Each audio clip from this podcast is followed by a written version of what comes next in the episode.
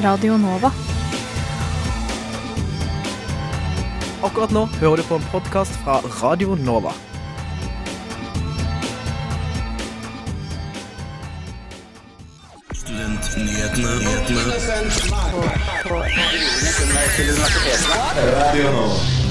Hjertelig velkommen til semesterets siste sending. Mitt navn er Håkon Christoffersen, og med meg i studio har jeg Martin Mathias Nøding.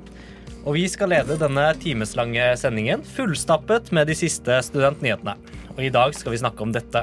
Får Oslo et nytt studenthus? Bryr regjeringen seg egentlig om studentene? Vi gir deg fem tips til hva du kan gjøre i sommer som er nesten gratis. Hvem vinner beste studentby vår 2019? Vi går gjennom alle kandidatene. Og som vanlig får vi besøk av en flott studentpolitiker. Men først skal vi ta ukas nyhetsoppdatering.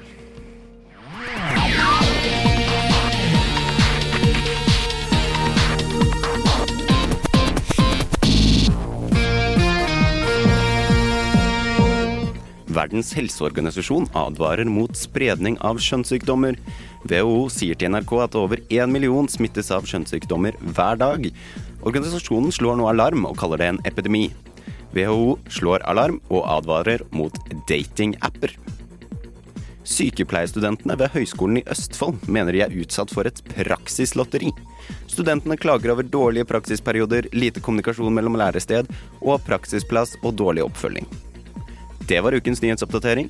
Mitt navn er Martin Mathias Nøding. Ventetiden er over, forprosjektet er ferdig. Skal det bygges et nytt studentkulturhus i St. Olavs gate 32? Du får kanskje ikke alle svarene i dag, men noen skal du få av lederen i hovedstyret i SIO. Vetle Bo Saga, velkommen til deg. Tusen takk. Når fikk du tatt den første skikken på forprosjektet som hadde frist 1.6? Eh, nei, jeg så, så, litt på noen utkast i forrige uke, og så hadde vi et uh, møte denne uka i uh, styringsgruppa uh, for forprosjektet. så der har på en måte arbeidsgruppa levert fra seg sitt arbeid. Og så har vi i styringsgruppa kommet med våre innspill, og så regner jeg med at den publiseres ganske, ganske snart. Mm. Hva kan vi forvente oss å se når den publiseres, da? Nei, Dere kan forvente å se en godt gjennomarbeida rapport som både har sett på alternative eh, plasseringer av et eh, studenthus, eh, og som ser på potensialet for å realisere et studenthus i St. Olavs gate. Mm. Hva var din umiddelbare reaksjon til dette forprosjektet? Ja, nei, Nå har jeg jo sittet eh, i styringsgruppa, så jeg føler at jeg har fulgt det arbeidet eh, ganske, ganske, tett. Så det var ingen store overraskelser eh, som kom, kom, i rapporten.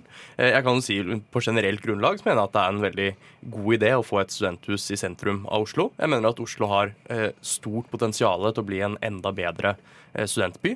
Eh, Oslo-studenter er fornøyd med uteliv og kulturliv, eh, men ikke med studiemiljø. Eh, og jeg tror at det å få til noe sentralt i Oslo, som er nært der studenter bor, og også mange utdanningsinstitusjoner i sentrum, jeg tror jeg kan være et stort løft for Oslo, og ikke minst for Oslo som studentby. Mm.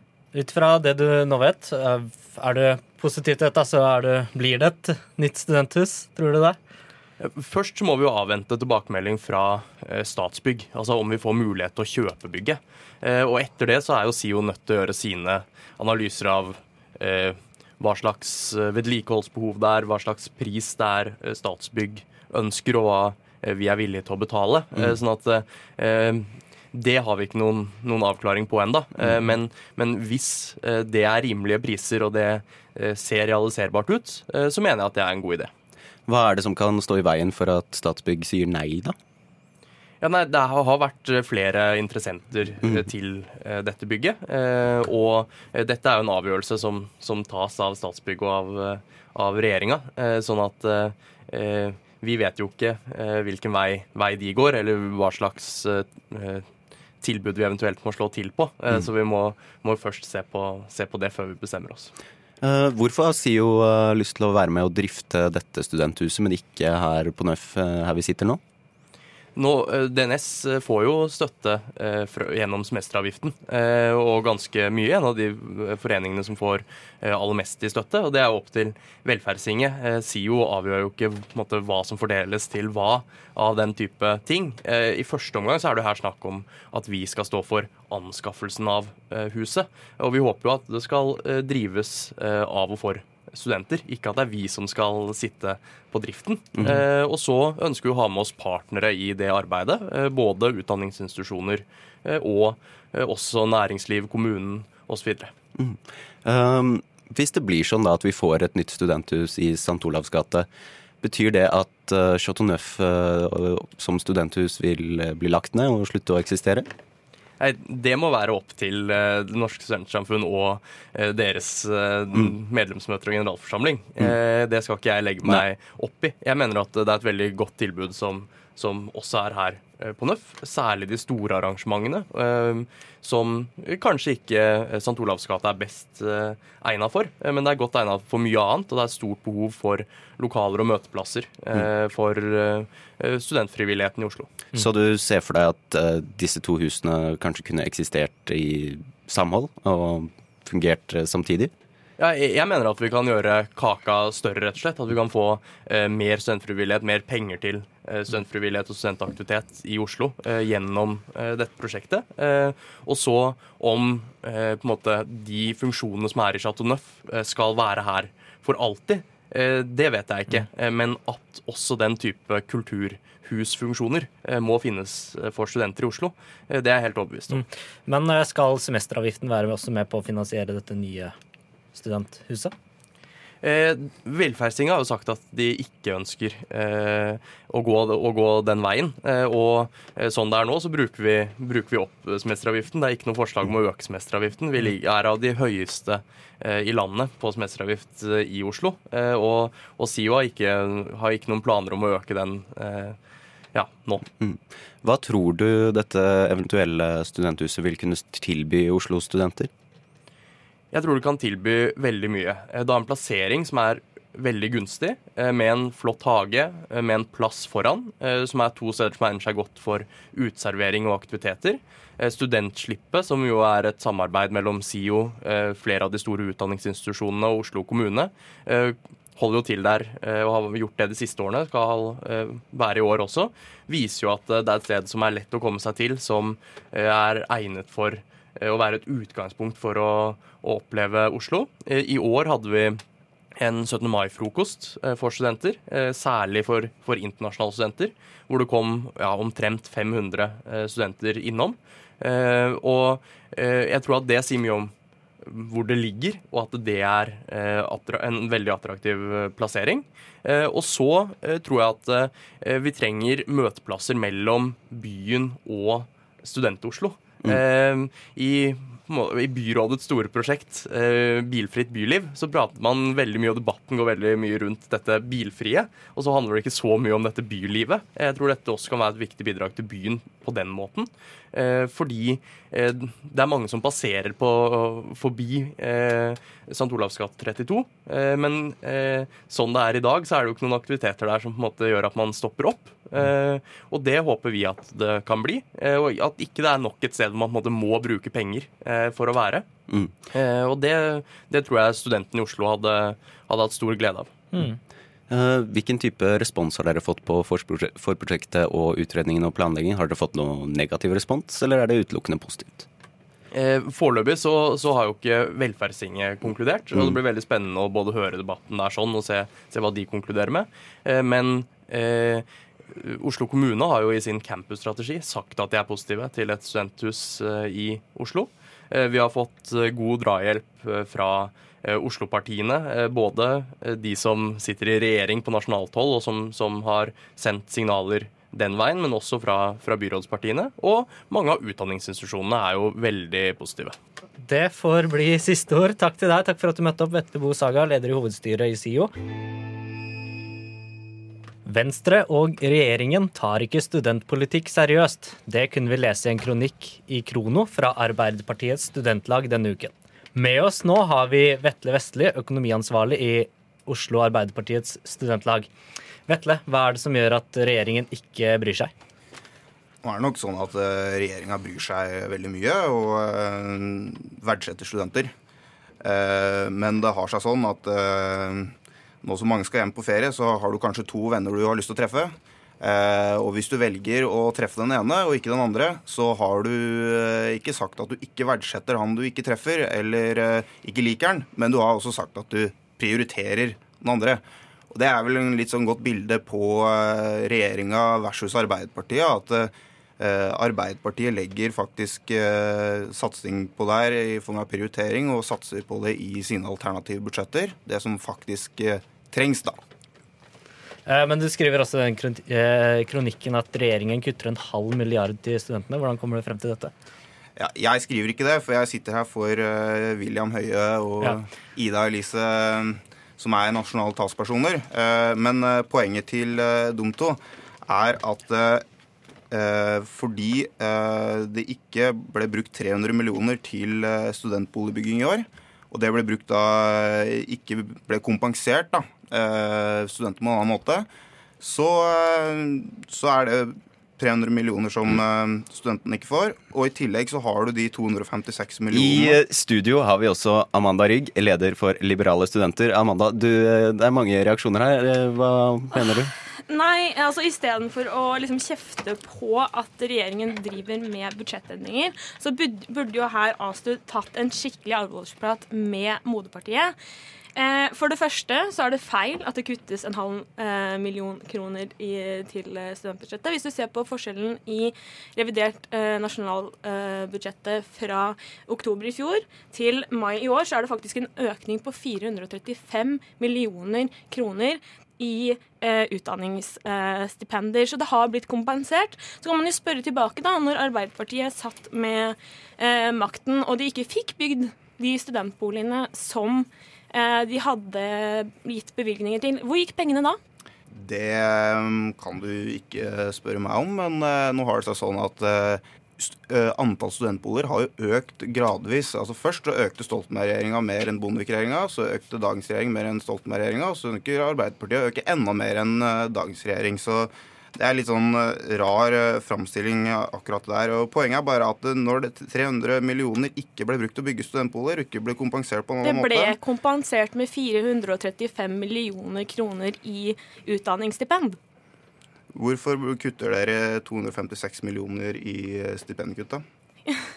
Hører du ikke hva jeg sier?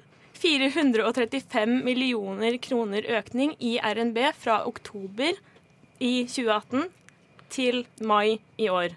2019 RNB. Det, men eh, det kommer ikke fra det faktum at det er mindre i studentboligbygging. Nei, men altså, Arbeiderpartiet har lenge snakka om at man skal øke studentboligbyggingen. Eh, nå er det jo rart å komme og si at ja, vi vil, ha, eh, færre, vi vil satse på færre studentboliger enn det regjeringen eh, gjør i dag. At man har mindre ambisjoner. For det er faktisk ikke eh, bevilgningene det står på, det er prosjektene. Og så, når man ikke får eh, søknaden til de prosjektene man har bevilga penger til, så må, kan man ikke bare la pengene stå og råtne på en konto. Da må man føre det tilbake til statskassa.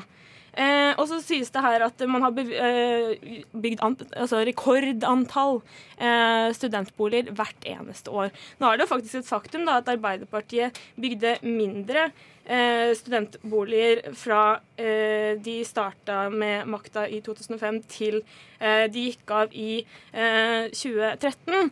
så det har jo ikke vært en rekordøkning hvert eneste år. Et siste ord fra deg, Vetle, før vi, tiden renner ut.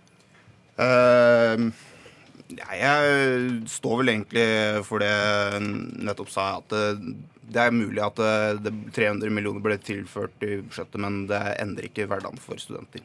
Mm. Eh, det var det vi rakk til denne gang. Det var jo en, bygget seg opp til en god debatt her. Kanskje vi skal ta en egen emneknagg på det i neste runde, sånn at vi får snakket enda mer sammen. Men uansett, tusen takk til leder i Liberale studenter Amanda Rygg og økonomiansvarlig i Arbeiderpartiets studentlag, Vetle Vestli. Mia Berg med 'Grow'. Uansett så nærmer sommeren seg med stormskritt til tross for dette lunkne været vi har i dag. Har du planene klare? Kanskje, kanskje ikke. Uansett så har makkeren min Håkon Christoffersen laget eh, fem tips til deg, så du kan gjøre i sommer nesten helt gratis. I disse tider avlegges de siste eksamene på universitetene og høyskolen i Oslo, og vi kan snart nyte sommerferien. Her har du fem ting du kan gjøre i Oslo i sommer som er nesten gratis. Nummer fem, vi starter listen med en kjent perle. Botanisk hage er et perfekt sted å tilbringe en varm sommerdag. Botanisk hage har planter fra hele verden og flere kostnadsfrie arrangementer. Humlevandring kan anbefales. Botanisk hage ligger godt plassert på Tøyen, bare en spasertur unna Tøyenbadet. Altså to attraksjoner som fint kan kombineres på en dag. Nummer fire. Hvis det derimot ikke er en flott sommerdag, kan du ta turen til Nasjonalmuseet, som har gratis inngang på torsdager. Nasjonalmuseet har masse å by på, bl.a. utstillingen Utestemme, som ifølge Nasjonalmuseet selv sprenger rammene for museet. Et flott tips på en regnfull dag. Nummer tre. Ta turen til en eller flere av Oslos mange fine kostnadsfrie konserter og festivaler, som f.eks. Oslo Musikkfest, Melafestivalen, Granittrock, Sesong Musikkfestival og mange flere. Oslo leverer sterkt som kulturby, og du har ingen grunn til å sitte hjemme. Nummer to. Utforsk din egen by. Unngå de klassiske turistfellene og ta deg en tur i en bydel du sjeldent eller aldri er i. Oslos bydeler har mange skjulte skatter. Hold deg unna Majorstua og Grünerløkka og opplev hva Oslo har å by på. Nummer én bruk Ruter-billetten din. Du må ikke glemme at Ruter-billetten også fungerer på alle Oslos ferger. Hovedøya, Gressholmen, Langøyene med fler ligger bare klare til å utforskes. Jeg anbefaler Lindøya og ønsker deg en riktig så god sommerferie. Vi har i løpet av dette semesteret besøkt flere studentboliger for å finne ut hvilken som er best, slik at du kan bli en informert søker. Vi møtte mange studenter som inviterte oss hjem til dem, men resultatlisten kan kanskje overraske deg. Finn frem popkornet, det er tid for å avgjøre vinneren. Velkommen skal dere være til siste episode av Studentbytestingsspalten. Yeah! I dag er det en recap. Det er recap, og Ja. vi er tilbake sammen slik det starta. Og det virker som studentene trives. Ja, de fleste Det er jo ingen treere, for eksempel. Det er veldig bra, det er veldig positivt. Um, så overall så virker det som at Oslo-studenter er ganske happy, i hvert fall. Ja, men ikke med vaskerier, og heller ikke med bråk eller brannalarmer. Nei, Det går igjen. Det er en gjenganger, ja. Mm. Men uh, vi skal avsløre rekkefølgen, vi, i dag. Det skal vi. Hvem er spente? Yes, Jeg håper dere jubler. Vi starter eh, nederst på listen, vi, i dag. Vi gjør det? Ja. Ja. Så først skal du få lov til å høre et uh, klipp fra Anker studentbolig. Men det største plusset er jo at det er veldig sentralt. Altså, Jeg trenger ikke å ha busskort, for, eksempel, for jeg Nei. kan bare gå der jeg trenger å gå. omtrent. Der fikk du høre da litt fra Anker studentbolig. Og det ligger på delt sisteplass med Bjølsen på en firer. Og det er jo ikke ille. Nei. Nei. En av de fordelene som det ble pratet om, var jo at det var sentralt. Det er jo ganske kjekt, fordi Ja. da kan du f.eks. ta bysykkel overalt, eller ja, være litt sunn da, og mosjonere litt. Ja. Kanskje de er veldig spreke på Anker studentbolig? Jeg tror de er det. Videre på lista, faktisk delt med Anker, så er Bjølsen studentby. Og vi møtte to karer som bodde på Bjølsen. Og ja, de hadde jo noen interessante tanker da, om eh, hva de hadde tenkt når de bygde Bjølsen studentby. Det, det har jo skjedd et eller annet helt utrolig. da. Når de bygde eh, Bjølsen studentby, så har, de, så har de sittet rundt et, eh, et eller annet form for konferansebord og planlagt Bjølsen studentby. Så har de tenkt hva er det studentene trenger? De må vaskeri. Og så har de tenkt ja, det må vi ha, jeg et sted å håndtere søppel. Ja, ja, men vi kan lage et senter til dem, det blir bra. Og et senter det skal ha frisørsalong, det skal ha apotek, matbutikk. Hva slags matbutikk er det studentene har lyst på? Meny. Dyreste matbutikken. Vi klatrer oppover, vi, på lista, på, til femteplassen. Carl Berner studenthus. Veldig pent der, og ligger jo rett eh, ved Carl Berner-krysset. Men eh, beboerne hørte ikke krysset innenfra. Nei, for det ligger litt på siden. Og terningkastet ble Oh, oh. Terningkast for Carl Berner. Fire og en halv. Vi går videre. Neste på lista ligger Pilestredet. Det ligger jo kanskje mest sentralt. Uh, spesielt uh, kanskje bra for Oslo-Met-studenter, da. Ja, det ligger jo rett på Oslo Met, så det jeg kan ikke tenke meg noe bedre enn å bo der. Hvis man går der. Hvis man går der, da. Ja, og hvis Ja. man er opptatt av at ting skal være At du skal bo rett og slett veldig sentralt i Oslo. Pilestredet, kjempefint. Eh, Vi har ikke varme på badet vårt. det Det syns jeg er litt irr. Og det vet jeg mange andre studentboliger har, Ja. så det gir ikke mening at vi ikke har det. Men samme det. Det jeg også har hørt, er at uh, Pilestredet er et av de stedene hvor du med egen hybel kan få et fullt, uh, altså et vanlig størrelse kjøleskap. Så du får en stor fryser for deg sjæl. Så det kan være veldig økonomisk, syns jeg, da. OK, vi ruller videre.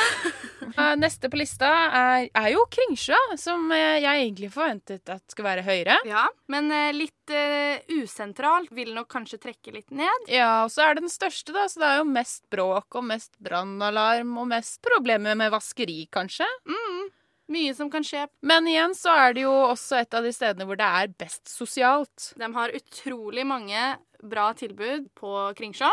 Unionen her, da. Som er kafeen? Ja, som er kafeen. Så holdes det jo f.eks. onsdagsquizer Ja. eh, og andre greier. Bare sånn for å få, bli kjent med folk i nærmere. I tillegg til kafé så har de også treningssenter. De har Kiwi, en ganske billig butikk. De har jo Marka rett ved som sin nærmeste nabo, med Sognsvann, med badingsmuligheter og turmuligheter. Også fotballbane og treningspark ute. Jeg liker at vi har, har på en måte den uti heita-følelsen i Oslo. Sognsvann. Ja, Sognsvann er jo rett her. Nå er vi faktisk så høyt på lista at vi er på den som fikk en femmer på terningen. Sogn. Ja, og det var jo den første byen vi besøkte. Det var det. Så eh, Sogn eh, er jo ganske på en måte sentralt. Eh, Men det var kanskje veldig motsatt i forhold til Kringsjå. Her var jo veldig mye av boligene og kollektivene og området veldig bra plassert, men det sosiale manglet. Ja. Selv om Sogn har Amatøren, som liksom skal være en sånn lite fellessted, så er det ikke så veldig mye som skjer. Amatøren er eh, veldig bra og fin, den, men eh, det er ikke alle som benytter seg av den muligheten. Så derfor blir det heller ikke så mye sosialt å finne på. Nei. Vi gir terningkast, og terningkastet blir Fem! Og det er fordi det er en veldig flott by eh, å bo i. Og det er god plassering, bra kollektivtilbud og hyggelige kollektiv. Men det mangler litt på det sosiale. Altså, nå, dere, har vi kommet til førsteplassene. Det er jo delt. Mellom tre. Mellom tre studentbyer. Er dere klare til å høre hvilke tre byer som er på toppen? Ja! Så bra, Elise. OK. Vi har Blindern studenterhjem. Ukedagene er egentlig veldig fine. Er på onsdager for eksempel, så har vi studentbar som er åpen. Og så er det alltid forskjellige aktiviteter og sporter som er er her. Og i helga så er det ofte noe arrangement som man kan være med på. Grünerløkka studenthus.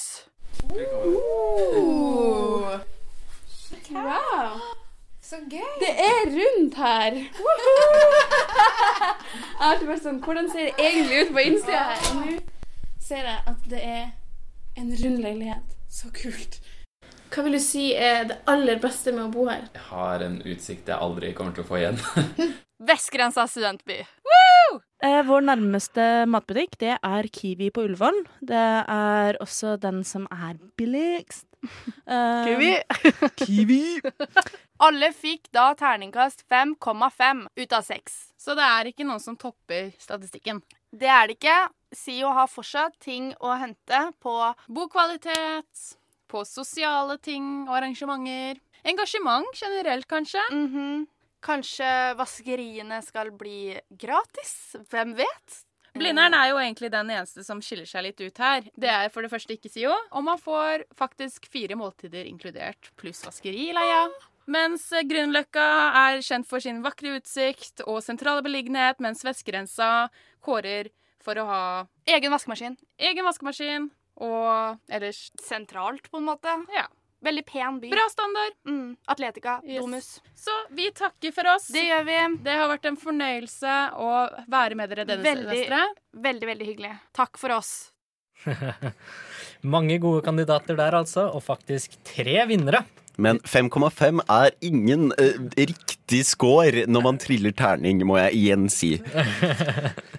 Og det er kanskje også litt seint å søke om studentbolig nå. Ja, men hvis du søker nå, så får du i hvert fall bolig etter hvert, da. Men uansett, reporter i saken var Nora Torgersen og Elise Kubberød. Denne uken kunne Krono melde at Iselin Nybø, minister for forskning og høyere utdanning, dropper innføring av praksisprofessorer, og den foreslåtte stigen som skulle erstatte dosentløpet. Med oss i studio for å snakke litt mer om dette har vi Kristin Andreas Wroldsen, påtroppende leder ved studentparlamentet ved UiO. Velkommen til oss. Takk, takk. Kan du fortelle litt om denne innføringen av praksisprofessorer? Ja, altså Nå har vi hatt eh, et eh, utvalg, Underdal-utvalget, som har eh, sett på stillingsstrukturen i utdanningssektoren. Og kommet med en del forslag. Samtidig så har vel NHO kommet med dette forslaget om praksisprofessorer, som går ut på at det skal gjøre det enklere for folk fra næringslivet å få professortittel og komme inn som undervisere. Så det skal være særlig krav til næringslivs- eller arbeidskompetanse. Eh, Bortsett fra den, altså utenom den kompetansen som, som det er i dag, i ren forskningsbakgrunn. Er det behov for at øh, de fra næringslivet skal komme inn og få en professortittel? Er trenger vi det? Nei, jeg tenker ikke at det er noen st- stor krise at eh, når man nå ikke går videre med dette forslaget. Um, jeg, tror tanken er god. Altså, det er, det er veldig, jeg tror det er veldig bra å eh, få folk fra um, utenfor akademia inn til å undervise i forskjellige fag. Det tror jeg er en veldig fin ting. Eh, ikke nødvendigvis bare fra næringslivet, men, men jeg tror det kan bidra med veldig mye bra. Men jeg tror ikke nødvendigvis du trenger å ha en professortittel for å gjøre det. Mm. Hva tror du er hovedgrunnen til at Iselin Nybø nå dropper denne ordningen? Nei, altså det har eh, disse, Denne utredningen, spesielt uh, Underdal-utvalget, har fått eh, en del eh, kritikk eh, fra eh, organisasjonene, altså utdanningsinstitusjonene. Um, og jeg tror det er bra at man ser litt mer på, på disse stigene uh, før man uh, eventuelt innfører det. Altså, jeg tror det er mye bra der. Um, det er uh, helt klart behov for mer fleksibilitet. Blant annet i dag så er det forskjellige typer forskningsstillinger som du ikke får lov å undervise i det hele tatt. Det tror jeg er veldig dumt for institusjonene, også de det gjelder. Så jeg tror det er, det er behov for å gjøre noe her. Men jeg tror det er fint at man tar en runde til før man, før man innfører, dette. Mm. Uh, igjen, bare for å oppklare litt uh, for både lyttere og kanskje vi som sitter her også. Hva er egentlig et dosentløp? Uh, og hva var det egentlig som skulle erstatte? Dosentløp, kan du oppklare litt? Hvis du også vet hva det er, da, selvfølgelig. Ja, jeg er ikke noen ekspert på Nei? disse stillingstitlene. Um, men ja, altså, dosentstillingen har blitt kritisert for det er veldig få igjen av dem. Um, men uh, jeg tror dette er ganske teknisk. Er det Mhm. er så spennende for alle, for forskjellen på alle disse, disse Ja, det er så spennende. Ja, det er kjempespennende. Men også noe annet som har blitt, uh, blitt foreslått også å ha forskjellige typer professortitler. Én ting er liksom praksisprofessor, noe annet er å ha en sånn overprofessorstilling. Det er også noe som har blitt veldig kritisert fra fagmiljøene. Så jeg tror man på en måte tenker at professor skal være en professor uansett, på en måte. Uh, ja, At det ikke er noen sånn forskjellige nivåer her. Ja. Er det noen andre alternativer som er aktuelle? Jeg tror eh, som sagt, det er, viktig å få kanskje mer fleksibilitet inn i systemet. Eh, nå er det blitt foreslått forskjellige stiger eh, i denne SILIC-strukturen. Og det er, det er også forskjellige stiger i dag, men det har blitt etterlyst spesielt fra, fra forskermiljøene selv at det er mulig å flytte mellom disse løpene. Og at det ikke blir sånn at hvis du begynner på én stige, at du ikke har mulighet til å flytte over den andre osv. Um, men, men dette er ganske te teknisk, så jeg tror ikke vi skal gå inn på de detaljene. i alle Ja, jeg er så glad i når det blir sånn teknisk. Men nå er det faktisk på tide med litt uh, musikk. Og Kristen, du er eh, jo påtroppende leder i studentparlamentet ved UiO. Du er fortsatt med oss. Eh, når starter du offisielt på jobb? Ja, altså jeg både, nå sitter jeg jo fra før av i arbeidsutvalget på UiO, så jeg både starter og slutter 15. juli. Er du klar til å ta fatt på ny stilling? Ja, jeg, jeg er det. Jeg gleder meg veldig. Eh, Jeg har jo fått med meg det jeg selv mener er en veldig, veldig bra lag, eh, med folk som har eh, mye, mye bakgrunn fra studentpolitikk og annen, annen type politikk, som, som har mye kompetanse. Så jeg tror vi kan gjøre en veldig god jobb sammen. Så det gleder jeg meg til. Gleder meg til å bli bedre kjent med dem. Mm. Og neste semester så skal du holde den talen da, for disse nye studentene. Er det noe du er, gleder deg til, eller er du, er du nervøs for det? Jeg tror det er sunt å være litt eh, nervøs for det. Er mange mennesker. Jeg har aldri snakket foran så mange mennesker, eh, tror jeg. Men eh, nei, det blir sp- det spennende. Det tar jeg på strak arm. Eh, Så jeg må jo finne ut hva jeg skal snakke om, da. Og si noe vettugt. Ja, Har du noen tanker om hva du vil fokusere på?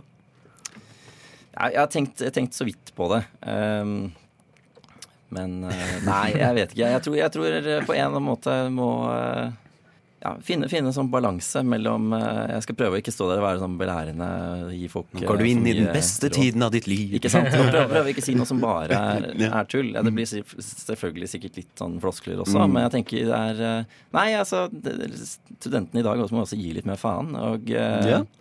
eh, på den ene siden så tror jeg det er viktig å på en måte ikke ta seg selv for uh, seriøst. Det tenker jeg er sånn generelt. eh, det å være, Om du er student eller om du jobber, eller hva det er, jeg tror det er viktig å på en måte ikke ta verken det du gjør eller deg selv altfor alvorlig. Da. Jeg tror da hvis du da får en dårlig karakter, så kan du vel lett gå på en smell. Altså, det er mye som kan skje. da. Du må se at ok, nå gikk det ikke så bra denne gangen. Da prøver jeg noe annet, eller Mm. prøver igjen. Mm. Samtidig tenker jeg at man må også kanskje være mer alvorlig enn man er i dag på andre ting. Altså må man, jeg tror det er viktig å si fra. Altså Hvis ting ikke funker, hvis du har en altså verdens verste foreleser eller et eller annet annet på UiO som eh, ikke fungerer, så tror jeg eh, dessverre, fordi mange på en måte bare er Man kommer innom som er om man er et par år. Eh, noen tar en full, altså både bachelor og master. Eh, Noen er det enda lengre tid enn også. Men jeg tror det er veldig mange som tenker at eh, ja, ok, hvis jeg sier fra, så, så tar det så lang tid før noe skjer. Så det, det endrer seg ikke for meg uansett. Mm. Det måte, eh, men det tror, jeg, det tror jeg er veldig synd da, for de som kommer etter dem. Så jeg håper folk sier fra om sånne ting, men også om større ting. Altså, jeg håper folk eh, er litt opprørske og tør å, å slå i bordet når ting ikke er bra. da. Mm. Er det så du kommer til å oppmuntre til opprør når du står på universitetsplassen? da? Ja, litt opprør syns jeg er sunt. Altså, sånn som disse, så nå er det jo eh, sånn klimastreik foran eh, Stortinget akkurat nå. Eh, og det syns jeg er kjempebra. Eh, det er jo mest skoleelever, men det er også en del studentorganisasjoner som har tatt initiativ til, til å støtte det. Og det, det syns jeg er kjempebra. Jeg syns at folk må Altså Når eh, politikerne ikke tar ansvar og gjør eh, jobben sin, så må man, man si fra. Det gjelder også universitetet. Mm. Er klimasaken noe, noe som er viktig for deg? Ja, jeg er både MDG-politiker og Ja. eh, tilbake på grønn liste, så det er, det er klart det er noe som er veldig viktig for meg. Hvordan kommer studentene ved UiO til å merke at det er du som leder studentparlamentet? Hmm, nei, det er et godt spørsmål. Ja, Eh, tusen takk. Ja, jeg, jeg, håper, jeg håper jeg blir en uh, inkluderende leder. Altså I hvert fall for de som sitter i parlamentet. Da, så håper jeg det er, eh, blir lav terskel for å komme og snakke med meg om ting. Uh, det håper jeg også Nå er det selvfølgelig alltid altså, Jeg vet ikke om alle Jeg tviler på at alle studentene på UO kommer til å vise at jeg er leder av studentparlamentet, men jeg håper at man tør å komme innom og si fra hvis det er, igjen, altså hvis det er ting som ikke fungerer. Så jeg vi får beskjed om det. For altså, vi, kan, vi, prøver, altså, vi jobber med å gjøre universitetet så bra som mulig eh, for studentene. Og eh, da må vi vite om det som ikke, ikke er bra, for at vi kan gjøre noe med det. Så hvis folk har problemer og oppdager på en måte, ting som ikke fungerer, særlig på systemnivå, Mm. eh, så håper jeg vi får beskjed om det. Så jeg håper en som eh, som kan kommunisere at det bør være lav terskel da, for å si fra om det. Komme også på studentparlamentsmøte for så vidt og si fra om ting som ikke er bra.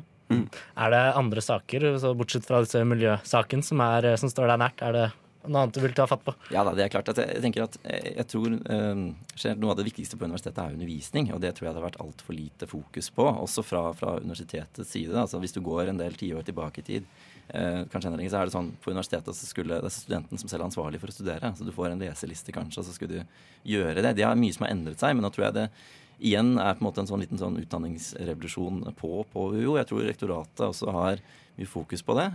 Så da det, det begynner dessverre tiden som alltid løper fra. Så skulle ønske vi kunne sittet her eh, mye lenger. Men eh, tid er tid. Den går, og vi må forholde oss til det. Men tusen takk til at du kunne komme, Kristin Andreas Wroldsen, påtroppende leder ved studentparlamentet ved UiO. Vi ønsker deg lykke til og en god sommer. Tusen takk. Og med det går semesterets siste studentnyhetene mot slutten. Og apropos siste sending, det er også din siste sending. Nyhetsredaktør Martin, hvordan føles det? Eh, det er i hvert fall siste sending som nyhetsredaktør. eh, men eh, kanskje dere kommer til å høre meg. Men det føles eh, Det er vemodig. Men eh, det er jo sånn det er. Eh, jeg gir jo fakkelen over til meget kompetente Ingar Jakob Feiring, som også har vært med i Studentnyhetene veldig lenge. Men det har jo vært fantastisk. Og ja, skal ikke si så mye mer, fordi jeg fikk blomster. Og hvis jeg fortsetter å prate nå, så kommer jeg sikkert til å begynne å grine. Men uh, Studentnyhetene er fantastisk, og ja. Uh, jeg gleder meg til å høre hva Ingar og resten av redaksjonen uh, fortsetter å lage neste semester. Så det blir supert. Så jeg vil bare si tusen takk til alle jeg har jobbet med, og alle lyttere. Da er vi Ja, jeg kan også avslutte, siden det er min uh, siste sending som nyhetsredaktør. Så vi skal runde av. Eh, de som har vært i studio, da er meg, Martin Mathias Nøding, og med meg så har jeg hatt Håkon Kristoffersen. og tekniker er den evig talentfulle Celine Stensrud. Vi er tilbake igjen neste semester, i hvert fall Ingar og Studentnyhetene er tilbake neste semester. I mellomtiden så følg oss på sosiale medier, Facebook, Instagram, Soundcloud, og hør på podkast der du hører podkast, Soundcloud forhåpentligvis. Ellers så ønsker alle i Studentnyhetene dere en riktig god sommerferie.